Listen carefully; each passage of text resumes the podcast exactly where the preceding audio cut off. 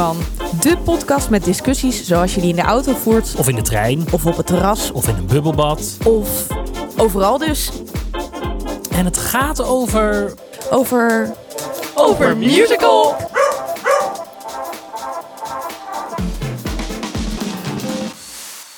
We gaan naar Mamma Mia. Ja, we gaan naar Mamma Mia. Kom. En waarom gaan we naar Mamma Mia? Nou, Rosanne en Jennifer zitten in eh, de voorstelling. En dan zeg ik Rosanne van Elswijk en Jennifer van Brenk. Ja, die, die zitten in de voorstelling.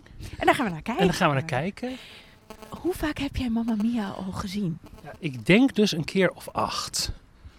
Dat is nogal wat. Dat is nogal wat. Dus ik heb eh, veel verwachtingen. Maar ook veel dat ik weet wat, er, wat ik denk dat er gekomen gaat. Ja, want je weet natuurlijk al een beetje hoe ja, nou, een beetje. Je weet natuurlijk in wat voor regie deze staat. Zeker. Dus je weet wat dat betreft. Ik weet precies, in zien. theorie precies wat we gaan krijgen. Precies. Maar ik heb het denk ik nog nooit in het Duits gezien. Dus ik ben benieuwd. En het is een stuk wat inmiddels 20 jaar oud is, hè? Dat Het heeft zeggen. 20 jaar geleden hier in Hamburg gestaan. 20 jaar. Ja, want ik heb het opgezocht. 1999. En toen heb jij het dus ook voor het eerst gezien, toch? Ja, zeker. Dat is echt, ja, Jeetje, echt lang 1999. geleden. My god, ja. En Nou. toen? Nee, want ik wil deze anekdote Oh, eventjes. Eh, het eerste jaar was er wel iets geks met het stuk aan de hand, want het was niet zo goed gerecenseerd. En eh, hij is later, along the way, wat meer op de humor gaan zitten. Terwijl in het begin best wel serieus was. En dat serieus was niet altijd beter. Er is een reden dat ze meer naar de humor zijn gegaan. En dat vond de zaal fantastisch. En daarom denk ik nog steeds dat het Maar nog jij steeds ook. een show is. Want jij vertelde mij dat de tweede keer dat je het ging zien, je Vond veel, veel meer beter, Zo, eh, ja. een gevoel had van, Oh, leuk. maar Ja, dit zeker. is wat ze ja. willen vertellen. En dat je er dan ook veel meer in mee Precies, wil. want als je probeert hier toch een soort van Shakespeare van te maken, dan moet je met dit stuk niet doen. En dat weten ze zelf ook. Dus het, dat is wel echt een leuke ontdekking van zo'n stuk. En ja, het feit dat het dus nu al, nou, zeg maar, bijna 25 jaar al bestaat, ja, dat is wel echt bizar. Hou je van ABBA? Ja. Dat is ook jouw tijd, hè? Ja, Oh nee, ik bedoelde het dit keer echt helemaal niet als een dis, maar meer zo van, dat, dat zit in je genen. Ja, zeker. Nou, dan ga ik ook nog even, aangezien je het me weer niet vraagt. Annemiek, ver- ver- vertel. Wat vind jij? Ik ben dus, eh, ik heb Mamma Mia denk ik voor het eerst als film gezien, weet je dat? Dat is dus in 2000... 2009. Oh, toen bestond hij dus 2008, gewoon al 2009, 12 zoiets. jaar of zo. Ja, en ik had er natuurlijk al lang van gehoord, Ja, maar nooit geweest. Want ik denk dat de eerste versie in Nederland was ik te jong om in ieder geval in mijn eentje te gaan. Dus dan Ja. moet je door je ouders meegesleurd worden. Is niet gebeurd. ja. Pap, mam, luisteren jullie? shame on you. Nee, want ik ben wel met mijn moeder naar de film geweest. Dat was echt een soort van eh, met mijn tante erbij, mijn zusje erbij. Dat was, want dat is het natuurlijk ook een beetje. Het is echt een verhaal Ja, waarin vrouwen centraal staan. Ja, en, en wat ook eh, lekker wegkijkt met het hele gezin. Precies. En mama, eh, mama Mia, mijn mama, is Meryl Streep fan. Ah ja. Dus wij gingen daar echt als uitje Ja. heen met z'n eh, viertjes. En zijn echt de zaal dansend uitgegaan. Ja. Toen heb ik hem één keer op het toneel gezien. Dat Mhm. zal ook... Ik denk dat de film iets eerder was. 2007, 2008. En dat 2009 de versie is geweest dat ik hem gezien heb op het toneel met Ah, Lona. ja. Ja. En ehm, dat is eigenlijk de enige keer dat ik hem op het toneel gezien heb. Dus ondanks dat ik hem Oh. behoorlijk goed ken, omdat ik de film best veel gezien heb. Ja. En natuurlijk ABBA-muziek ook heel goed ken. Is dit ergens nog helemaal niet zo... Het zit nog niet zo heel erg in mijn DNA. Dus dat vind ik ook wel leuk. Nou, ik ben heel benieuwd. Ik ook. We gaan kijken. Jullie horen het straks van ons.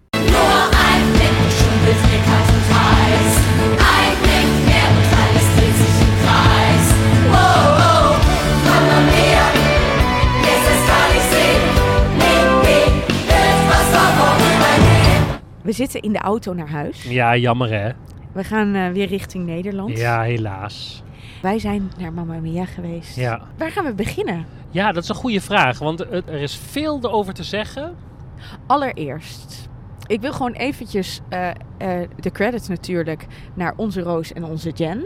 Ja. En dan gaan we het er ook niet meer over hebben, want dan zijn we te bevooroordeeld. Maar die hebben het wel echt waanzinnig gedaan. heel echt goed. heel goed. Ja, zeker.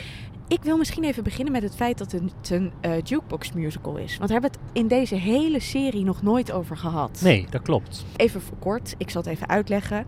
Wij weten natuurlijk allemaal dat Mamma Mia gebaseerd is op de muziek van ABBA. Of dat ja, dat er een verhaal samengesteld is Precies, op basis. die muziek. Precies.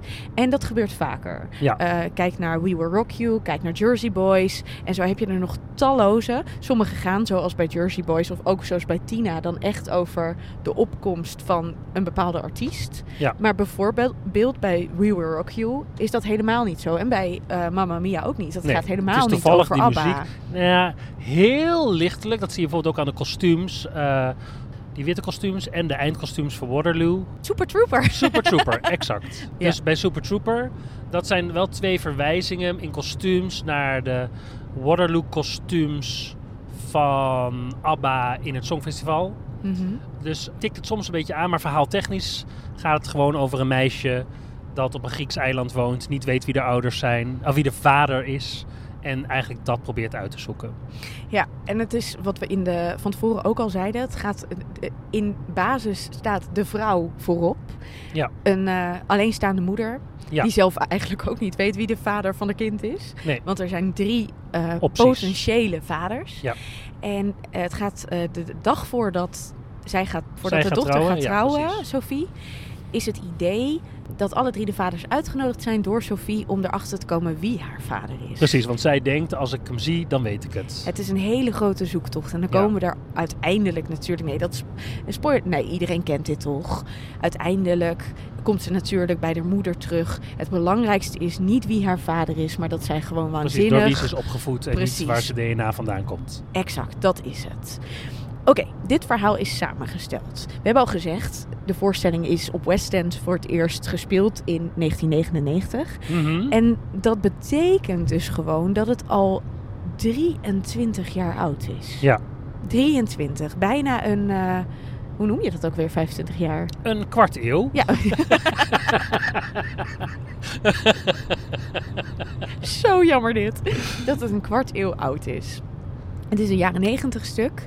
En het grappige is, we zeiden van tevoren al van, eh, dat het best lang geleden is dat we het allebei gezien hebben. Wanneer is jouw laatste keer geweest? Geen idee. Ik denk dan toch de laatste in Nederland. Ja, precies. Dus dat zal zo'n vier, vijf jaar ja, geleden zoiets, zijn. Ja. Ik heb hem dus überhaupt maar één keer gezien. Maar dat ik de film gezien heb is ook al zo zeker tien jaar geleden. Ja. Wat heel leuk is, want dan ga je met nieuwe ogen kijken. Ja. En wat zie je dan, Ben? Nou, ik zie een, een, eigenlijk een heel raar stuk. Want als ik gewoon eerst even feitelijk kijk naar de tijd waarin het stuk gemaakt is, dus zeg maar eind jaren 90. Er wordt daarin gerefereerd aan de hippieperiode waarin Donna, de moeder, zwanger is geworden. En in een tijd daar waar er vrije seks was. En de Dus- bommoeders ook. Precies, dus flower power, feminisme, e- echt jaren 70. Daarin is Sophie gemaakt en die gaat dan trouwen als ze 20 is. En op dat moment zitten wij in de voorstelling. En daarmee zet zij zich eigenlijk al zo vroeg trouwen. Een beetje af tegen de opvoeding van haar moeder. Precies. Maar waar ik naartoe wil is de, het, het tijdsaspect. Want nu is datzelfde verhaal gaande, maar wordt er wel teruggegaan naar de flower power tijd, gitaren en al dat soort dingen. Maar we zijn dan nu in 2020. Dus je voelt opeens dat er een gat is van 20 jaar. En die 20 jaar is op alle vlakken voelbaar. Dus je voelt de gedateerdheid van de 20 jaar. Je voelt de, eigenlijk de traagheid van 20 jaar geleden. Wij zaten bijvoorbeeld bij de ouverture al. Dat we zeiden, een ouverture als deze zou nu niet meer gemaakt worden. Nooit meer. Want, Want je, hij eigenlijk is, natuurlijk om in de stemming te komen. Zeker, omdat maar je het die is alleen zo maar goed kent. Geluid. Ja. Er gebeurt niks in beeld. Nou, ik kan me niet voorstellen dat er nu nog een regisseur, componist is die denkt... we gaan eens lekker eerst drie minuten naar muziek luisteren. Denk Dan moet er niet. iets gebeuren, al is het maar in projectie, in licht, in wat dan ook. Maar waarin je dus de, de zaal verder helpt om in de stemming te komen. Mhm. Want we zijn veel multi-prikkelender geworden. Maar je zegt hier wel twee dingen, hè? Want het eerste wat jij zegt is in verhaal, omdat het naar de hippieperiode verwijst, sluit het niet meer aan bij, eh, laten we zeggen. Nou zou Donna eigenlijk, of eh, zou eh, Sophie dus eigenlijk 40 moeten zijn nu? Nou ja, Of dan zou het dus over de jaren 90 moeten gaan in plaats van de hippieperiode als je 20 jaar Precies, terugkijkt. ja. Dat is wat je aan de ene kant zegt. Aan de andere kant zeg jij, we leven nu in een tijd waarin als je nu een voorstelling zou maken, alles echt sneller gaat dan dat we nu zien. En het gebeurt nog steeds op het tempo zoals het Precies. bij wijze van Dus spreken in zowel 1990 inhoudelijk gebeurt. als vorm voel je de 20 jaar. Maar dat is grappig, want ik ben het met het tweede argument eens, maar bij het eerste niet zo. Kijk, ik ben een jaren negentig kind, dus ik kan op een of andere manier natuurlijk nog wel mee met de tijd waarin dit gemaakt is. Ik was negen toen het gemaakt werd, dus je begrijpt wel een beetje waar dit over gaat. Zeker. Nee, maar het gaat me dus over gewoon de dramaturgische foutheid. Eh, ja, maar daar heb ik dus geen last van en nee, jij wel. Dus heel en dat veel is mensen dus accepteren dat interessant. gewoon. Ja, precies. En Want, dus het, ik ben weer de zure kijker die ja, want dan denk ik, als je dat doet, zou, je dat, zou dat natuurlijk over een heleboel, eh, zou dat bij een heleboel voorstellingen op die manier. Maar jij bedoelt meer te zeggen, in 1999 toen het gemaakt werd, voelde je de vibe in de zaal nog veel meer. Nee, je moet dus nu de jaren 70 vibe eruit halen. Dat is eigenlijk wat ik bedoel te zeggen. Dus, want het kan namelijk heel makkelijk. Je kan namelijk ook in de jaren 90 eh, met een Beaujolais primeur naar de Sacré-Cœur gaan. Die zit nu even voortaan in jouw hoofd, hè? Ja. maar ik ben het daar niet mee eens, Ben. Want ik snap dat je dat zegt, maar... Maar dan moet je beginnen met een aankondiging. Dit stuk speelt zich af in 1999. Dan is het ook goed. Ik snap dat je dat zegt, maar ik heb er echt nul last van. En dat zit hem ook, want als jij dit zegt, van dan zou je bij wijze van spreken nu, eh, Donna zou een soort van verwijzing moeten hebben naar de jaren negentig, waarin dit allemaal gebeurd is. Dat is eigenlijk wat je nee, dan zegt. Nee, ik vind Als je het zou updaten. Nee.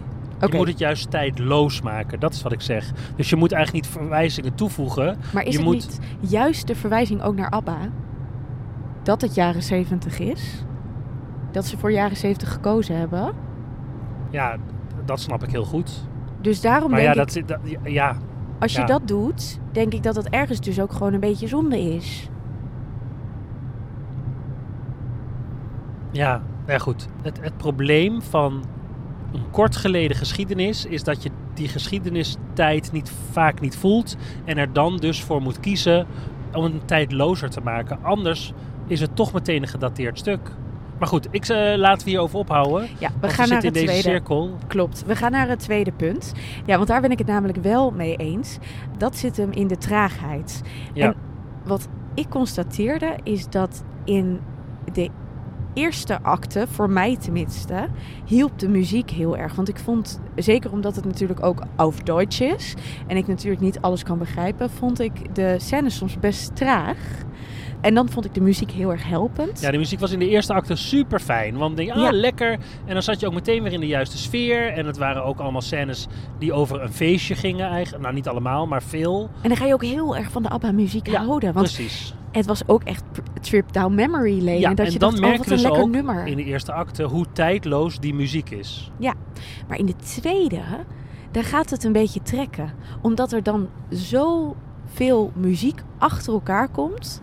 Ja, en dit heb ik altijd een probleem gevonden hoor. Ja, ik heb Eh, dat dus nog niet zo ervaren. Wat er, wat er, in mijn gevoel zijn er twee dingen die er op dat moment plaatsvinden. Het eerste is dat ik denk dat de makers zoiets hadden van... Oh, maar we hebben eigenlijk nog eh, tien hits die er nog wel even in moeten. Dus je voelt een soort van geprop van muziek om maar alle hits van ABBA erin te krijgen.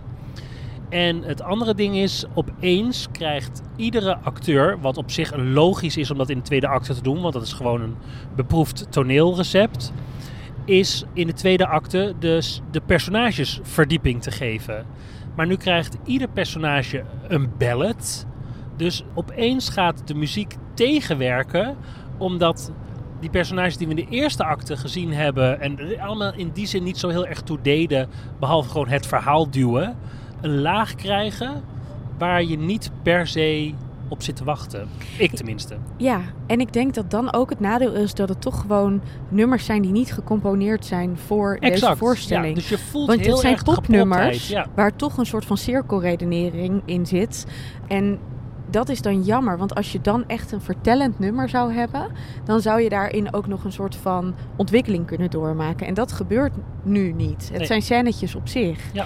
En dat is jammer, want daardoor voelt het scène na scène na scène. Deze moet ook nog eventjes eh, zijn momentje krijgen, die Ja. ook nog. Ja. En dat is gewoon jammer, want uiteindelijk helpt dat het verhaal niet voort. Nee. En dan redt zelfs, vind ik, de lekkerheid van de muziek, het feit dat, dat, dat we ook gewoon van ABBA houden, eh, blijft niet overeind. Nee, want dan krijg je bijvoorbeeld jammer. een nummer zoals Knowing Me, Knowing You. Ja, In het Duits weet ik de vertaling niet meer. In het Nederlands is het volgens mij Zo ben ik, zo ben jij. klopt. Ja. Eigenlijk zou je willen dat, dat dat het lied is, punt. Dus dat die vader, Sam, zegt op dat moment... Ja, luister, jij bent zo geprogrammeerd, ik ben zo geprogrammeerd. Ik denk dat het ook veel grappiger zou zijn... als alleen maar hij zegt... eh, eh, zo ben ik, zo ben jij. Sophie zegt één keer, aha. Ja. En het lied is voorbij. ja, ze moeten ook allemaal Maar dan moet het hele lied nog gezongen worden. En, maar we get it bij de first regel. En dan wordt het toch heel dat lied uitgetrokken en uitgezogen. Ja, dat is echt zo zonde.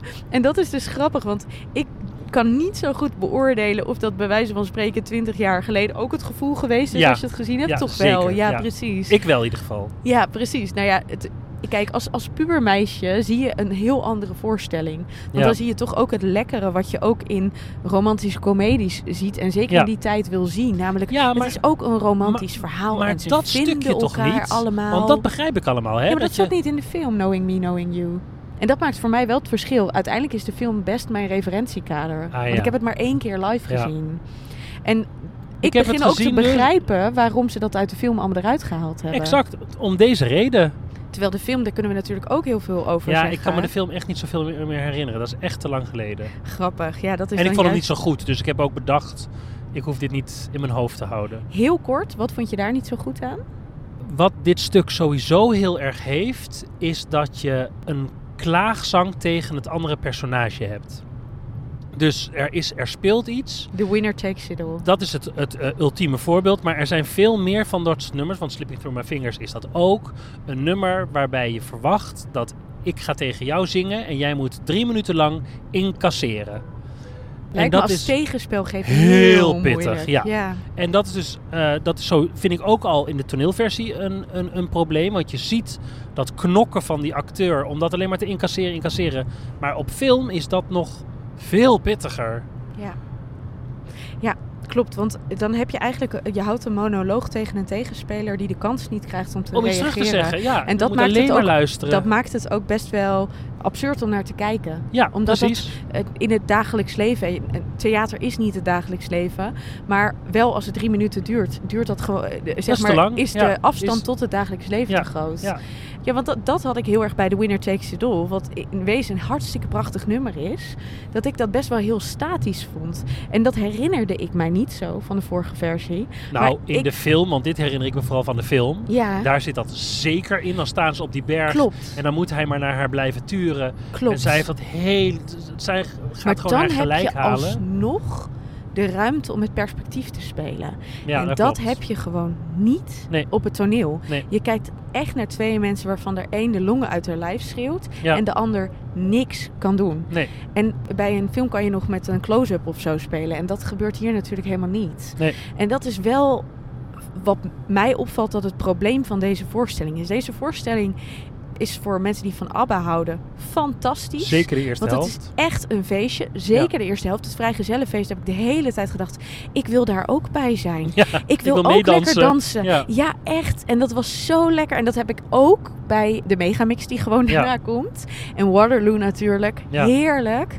Maar het verhaal aan zich, wat mij als 18-jarig meisje wel geraakt heeft, heeft mij vandaag niet zo gegrepen. En dat is ook jammer, want in wezen, juist omdat het wel in mijn genen zit, en dat ligt dus niet, want dat vind ik heel belangrijk om te zeggen, dat ligt niet aan de cast. Dat ligt echt in het stuk zelf. Want het is wel heel goed Nou, uitgevoerd. Kijk, ik heb, ik heb best veel vergelijksmateriaal, want ik heb een heel aantal voorstellingen gezien. Ik heb hem ooit gezien met Simone Kleinsma als Donna. Ik heb hem de gezien eerste met in Nederland. Lennet van Dongen als Donna. Heeft hij in Donna gespeeld? Zeker. Wat ik leuk. heb eh, Antje Montero gezien, Lone van Roosendaal gezien. Nou, dus even wat me zo In bijblijft. ieder geval vier Donna's dan al. En met vandaag erbij vijf. Met Engeland erbij zes. En Engeland 7, want ik heb hem twee keer in Engeland gezien. Zeven Donna's. Wat belangrijk is van Donna, is zij moet staan voor toch weer de jaren 70, de bommoeder, de vrijheid, maar het feminisme. Ik ga mijn kind opvoeden op de manier zoals ik dat belangrijk vind. Fuck de conventies. Ik hoef geen vader. Weet je, al die gedachten. Maar ook door schade en schande is dit gekomen. Precies. En, maar daar is misschien een... niet eens haar basis. Nee, nee, nee, maar precies. Zo, zo is het gewoon gegaan, zeg maar. Ja. Ehm, en dat heeft zij te verdedigen in dit stuk. Eh, Sophie kleurt daar, zoals veel kinderen, op tegen en kiest ervoor om dus eigenlijk een hele conservatieve route te wandelen door wel vroeg te trouwen of te willen trouwen. Dus haar, haar moeder weer tegen te kleuren. En ook niet in eerste instantie er oké mee te zijn dat ze haar vader niet kent. Precies. Wat natuurlijk Ja, heel natuurlijk is, want dat zullen heel veel mensen, ja, heel veel mensen willen weten waar ze vandaan komt. Exact. Dus dat is een universeel gegeven. precies, dus, dus dat klopt. Ja. Maar je merkt dat er in de loop van de 20 jaar, of eigenlijk is het dus 23 jaar, want het is dus in, 2000, of in 1999 naar eh, West End gegaan. Dat er dus een soort van sleetsheid in gekomen is in dat verhaal vertellen.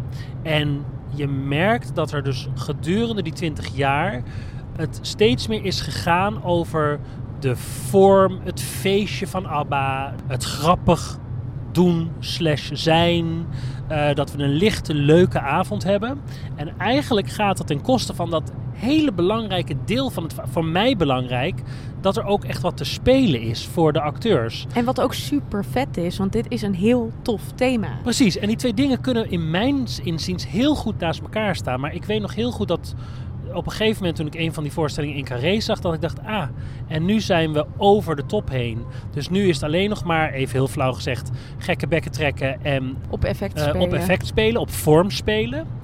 En dan loop je tegen een heel groot probleem aan. En dat is namelijk dat dit constant wordt geregisseerd door Engelse regisseurs.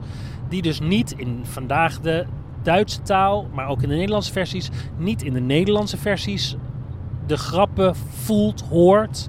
En dan ben je dus als acteur enorm verantwoordelijk en verplicht om die diepte erin te stoppen, die je dus niet automatisch van je regisseur aangeleverd krijgt. En ik heb natuurlijk al wel vaker een pleidooi gehouden voor zorg dat je een Nederlandse regisseur naast de buitenlandse regisseur hebt staan, die elkaar ook accepteren. Want er wordt altijd wel een soort van Nederlander naast gezet, maar die krijgt eigenlijk heel vaak de ruimte niet. Om het op taalgebied te kunnen ondersteunen. Ja, en om die verdieping, de, de, in vandaag de Duitse verdieping, en, maar ook de Nederlandse verdieping in de taal, in de woorden erin te kunnen stoppen. Want iemand die de taal niet spreekt, gaat alleen maar op vorm zitten. Ja, absoluut. Leg ik dat helder uit? Nee, zo? dat leg je heel goed uit. En ehm, daarin is het natuurlijk ook gewoon zo. Want dan, er zijn taalcoaches, dus dat is altijd wel Ja, belangrijk maar het gaat dus niet over de taalcoach, het gaat klopt. over de spelcoach. Exact, want dat is het punt wat ik wilde maken. Het gaat ook gewoon over echt begrijpen wat je zegt. En hoewel het een, vaak een heel letterlijke vertaling is, is het Engels gewoon een andere taal dan het Nederlands. En is het Nederlands een andere taal dan het Duits. Dus als je, een, En is het dus eigenlijk belangrijk... als je iets wil timen, bijvoorbeeld, of Ja. verdieping inderdaad wil geven aan iets, dan is dat gewoon net een ander moment soms. Precies, maar is, heb je dus ook een verantwoordelijkheid als regisseur? En daarom ben ik niet zo'n voorstander van dat regisseurs twintig jaar lang all over the world hetzelfde stuk regisseren. Want dan zie je op een gegeven moment toch niet meer de kernwaardes van je voorstelling. Dus het moet vers zijn. Niet alleen voor de acteurs, ook voor de regisseur. Eh, en eigenlijk dus voor het hele team. Zodat we iedere keer weer opnieuw aan het verhaal kunnen bouwen. En wel de kern trouw blijven. En nou ja, het, eigenlijk moet het gaan over de strijd tussen Donna en Sophie. Nou, en dat is grappig, want toen wij het theater uitliepen, toen zeiden wij Mamma Mia is aan vernieuwing toe. En daar twijfelde jij heel even aan. Maar volgens mij is dat wel wat het is. Want ik denk dat als nu iedere keer dezelfde regisseur het maakt, dan ga je dat ook niet meer zien. Dan ben je daar op een gegeven moment totaal blind voor geworden. Ja, dan weet je gewoon op tel 3 van de vierde maat moet je van links naar rechts Want beginnen zo te lopen. hoort het. Ja, En zo doen we het nou eenmaal. Ja. Precies. En als je dus nu gaat zeggen, oké, dan kan het dus gaan over de tijd waarin het speelt. Dan kan het gaan over het tempo. Maar voornamelijk ook over verdieping van waar gaat deze voorstelling nou ook alweer over. Kun je gaan kijken, oké, maar hoe kunnen we het nu weer op een hoger niveau trekken? Of hoger niveau klinkt ook zo. ehm, het was Nee, een, een heel frisser niveau. Precies, een En frisser niveau. dat is het. En dat zou zo fijn zijn. Want ik denk dat deze voorstelling in basis echt wel de potentie heeft om nog steeds heel aantrekkelijk te zijn. Zeker, want het, het heeft namelijk heel veel goede aspecten. Nou, even los van de muziek, die is gewoon heerlijk. Maar het feit dat je drie of eigenlijk vier sterke vrouwen op het toneel hebt staan. Dat je, Eigenlijk zelfs zes, hè? ja, Ja, en dat je, en dat je, maar dat je de kleuren van de mannen, als het goed is, ver uit elkaar hebt liggen. het zoektocht-aspect wat Ja. voor ons allemaal heel herkenbaar op een Ja. bepaalde manier is. Wat ik, wat ik goed vind, is dat het echt verschillende soorten mensen zijn. Dus ook dat is breed herkenbaar. Verschillende karakters, Ja. dat is wel. Maar het grappige is ook nog, ik denk dat zelfs de humor, die soms misschien een beetje gedateerd, want ik dacht wel een aantal keer, oh, dit zouden wij in het MeToo-tijdperk nu echt niet meer op die manier kunnen maken. Nou, dat is wel echt een goede ja. want- maar ik denk dat bepaalde humor echt nog wel. Het, sommige dingen zijn ook gewoon. Wij zeiden allebei die openingsscène, die droom van Sophie. Ja. Die duurde wel lang, gevoelsmatig. Ja, terwijl die dat tien jaar geleden niet was. Precies, Dus maar in aan- basis is dat een hele leuke scène. Ja, en, maar eigenlijk heeft het heel veel hele leuke scènes. Alleen, het is eh, een beetje op de lach of ik schiet manier in, in elkaar gezet inmiddels. Het moet geupcycled En je zou worden. eigenlijk, ja, je zou willen dat we weer even teruggaan naar. We doen alsof dit geen comedy is. We gaan gewoon even het stuk spelen zoals het is. En we gaan de humor halen uit de pijnlijkheid van alle situaties. Exact. En als je dat gaat doen, dan gaan wij het ook echt als minder traag ervaren. Tegelijkertijd. En hebben alle personages wat te bevechten. Ja, precies. En daarmee ook eh, veel meer te spelen. Ja. Want nu zit je soms ook naar een personage zoals Sky. Dat lijkt me echt best wel een ingewikkelde rol. Ja, want wat er bijvoorbeeld, eh, dat is een goed voorbeeldje, wat er nu, eh, Sky is de love interest. ja, van Sophie. En Sky gaat eigenlijk meteen met zijn ogen rollen als Sophie weer over haar vaders begint. Dat geeft in die ene zin, in die ene oogrol, aan dat dit een enorm discussie is tussen hun twee sinds zij samen zijn. Zij zeurt tussen aanhalingstekens altijd maar over wie is mijn vader, waar kom ik nou toch vandaan. En hij denkt op een gegeven moment, ja, doei, stop hiermee, wij hebben het leuk samen. Zijn functie is dus aan, het publiek aangeven. Sophie is hier heel erg mee bezig. Niet een keer omdat ze een dagboek heeft gelezen en nu gewoon drie mannen gaat uitnodigen. Maar Sophie is heel erg zoekende naar waar kom ik vandaan. En wie ben ik, zegt Eh, ze op een precies, gegeven moment ja. ook. Ja. En doordat hij zegt, stop daar nou toch eens mee, geeft dat aan ons aan. Dit is al heel lang ongoing. En als je dat soort dingen er weer uit gaat halen, dan krijgt iedereen ook de functie in het stuk die die hebben moet. En nu is Sky anders alleen maar gewoon een lekker ding waar Sophie wel of niet mee gaat trouwen. Ja. ja, want dan ga je bijvoorbeeld... Ik ga nu alweer veel te veel doordenken waarschijnlijk. Maar dan ga je ook in die droom... eh, de identificatie die plaatsvindt op het moment dat hij die trouwjurk aan heeft... is nu een lachmoment Dus, geworden. Exact. Terwijl als jij zeg maar veel meer dat stukje erin... Zij weet niet wie ze zelf is. Dus als zij niet weet wie ze zelf is... Is trouwen dan een verstandig punt? Dat is ook het punt wat Donna de hele tijd maakt. Ja. En ook waar ze uiteindelijk op uitkomt. Want zij Ja. wordt dan één met Sky. Terwijl ze veel meer haar eigen ontwikkeling nog moet doormaken. Ja. Terwijl nu is dat alleen een soort van lachertje waarvan wij dachten... Nou, een eh, man, Man in een jurk... Ha, ha, ha. Dat is toch, de, Ja. de- zeg maar, door om lachen is überhaupt al Ja. niet. Dit is gewoon een keuze die van, die in de, eh, toen in 1999 was dat ook nog grappig. Toen was zelfs homoseksualiteit net uit de DSM. Dus toen was dat nog grappig. Precies, en maar dan dat is is, de- nu niet grappig Dan is de rol van Harry, nee, wie is hij? Ja, Harry. Is dan dus ook, dat was toen echt super heftig. Ja. En dat, dat zie je nu ook, want daar heb ik ook op gelet. Er wordt nog steeds een beetje gereageerd op hem in eh, die groepscène als hij daarvoor uitkomt.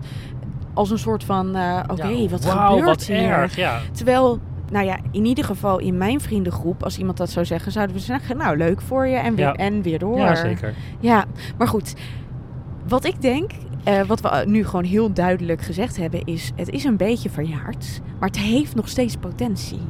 Ja, dat denk ik ook. Ik denk dat in ieder geval nog heel veel te halen is voordat hij voor eeuwig de boekenplank op moet. Ja. En ik denk dus ook dat dat hem echt in de regie zit. Want ook bijvoorbeeld de set, gewoon decor, het lichtontwerp, daar zit wel echt nog steeds heel veel in wat werkt. Ja. Alleen het zit hem echt in hoe geef je de scènes vorm. Wat voor keuzes maak je inderdaad? Dat heb je net super goed uitgelegd als het gaat over die ene oogrol die het verschil kan maken. Ja, En dat, dat zijn keuzes die dus niet bij de acteurs liggen, maar echt bij een regisseur. ja die dit gaat upcyclen. Ja, precies. Want, want de acteurs die moeten doen wat ze voorgeschoteld krijgen in een voorstelling als dit. Ja. En dat is, ja, ik, ik, ik hoop gewoon heel erg dat, da- dat ze daar ooit ruimte voor gaan maken. Nou ja, mijn inschatting is dat ze dat of moeten doen of ermee moeten stoppen. Op een gegeven moment. Maar ik denk dat... maar het trekt nog steeds volle zalen. Het staat ook nog steeds op West End.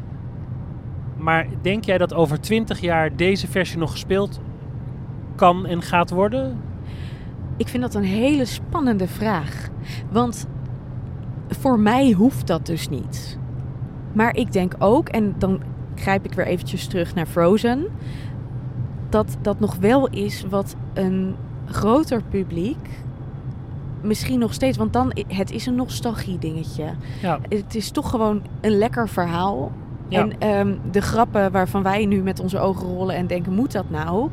Die werken voor een heleboel mensen nog zeker. wel. Ja, zeker. Dus ik denk ook dat wij toch een beetje twee zuurpruimpjes zijn die hier naar zitten te kijken. Die zien wat de potentie is. Die ook onze nostalgie hebben, maar echt met andere ogen zitten te kijken. Net als bij Disney. Dus ik, ik zou niet uitsluiten dat het over twintig jaar...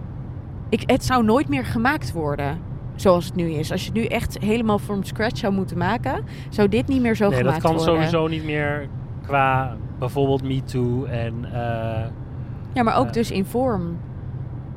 nee, dit zou ook niet meer zo gemaakt worden. Eh, we hadden het even over het, ehm, het upcyclen van Les Miserables. Ja, Je merkt toch, de muziek is sneller geworden. Ze waren toch toe aan een hele nieuwe ansenering. ja. Ik denk dat er in wezen in de ansenering niet eens zo heel veel hoeft te veranderen. Ik denk dat het gewoon echt in het vertellen Nee, van je het moet verhaal terug zelf naar de zit. Je moet terug naar de Precies. karakters. Eh, als, eh, als team moet je terug naar de karakters. En nu wordt er te veel geleund op een... En er zijn een aantal acteurs, ook vandaag weer, die het heel goed doen, hè? Die dus maar het dat stuk naar het. Zichzelf toe kunnen trekken. acteurs. Maar je moet die kwaliteit als acteur hebben om zelf de laag erin te leggen. Want het gaat alleen maar over... Het ziet eruit dat het alleen maar over vorm gaat. Gaan je handen jeuken? Ja, ja, nou, ik wilde in eerste instantie zeggen altijd. Want ja, en dit klinkt natuurlijk weer super arrogant.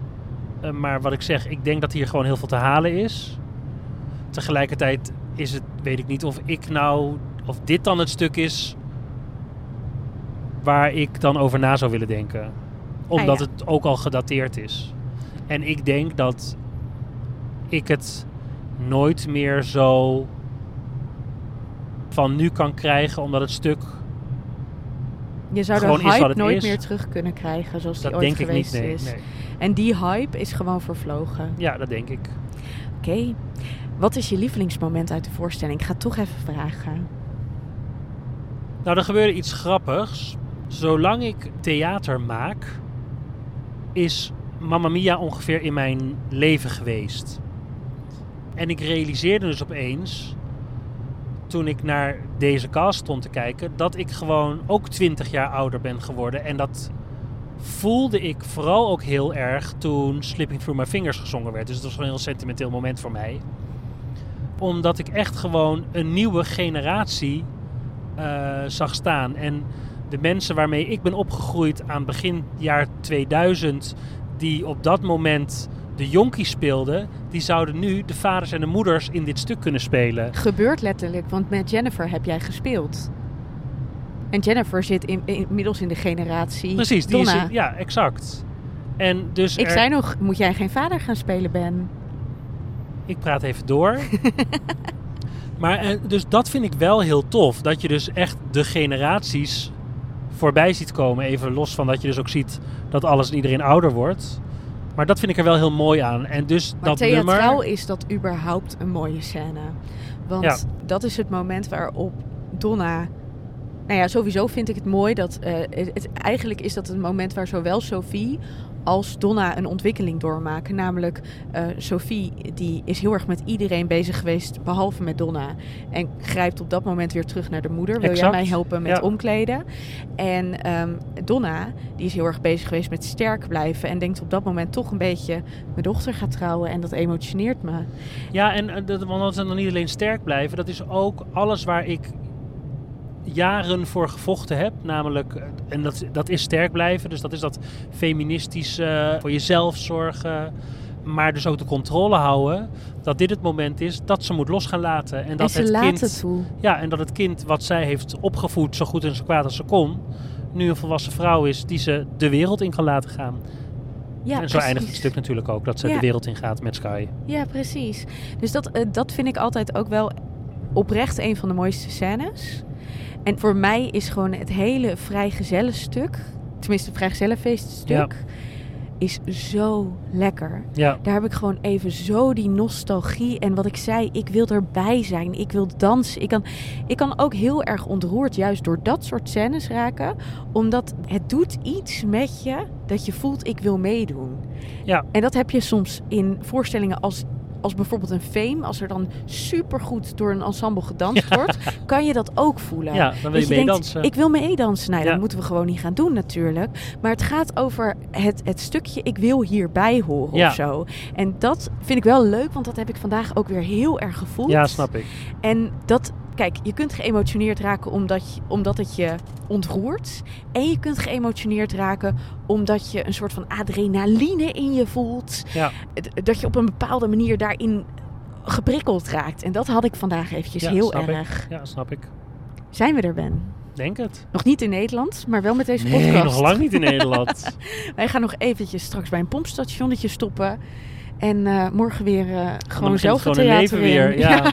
Het was heel fijn, Annemiek, om een beetje op vakantie te zijn. Nou, dat vond ik ook. Waar gaan we de volgende keer heen? Ja, ik riep natuurlijk heel hard New York, maar dan moeten we wel heel erg sparen. En dan moeten we ook wel een beetje geholpen worden door onze vrienden.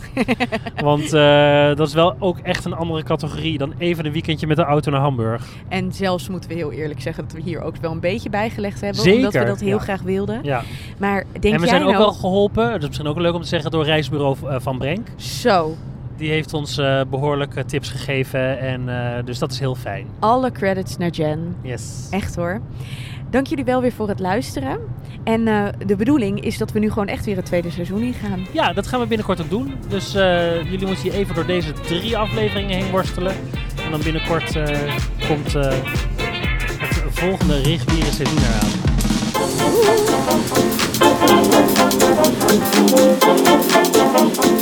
Thank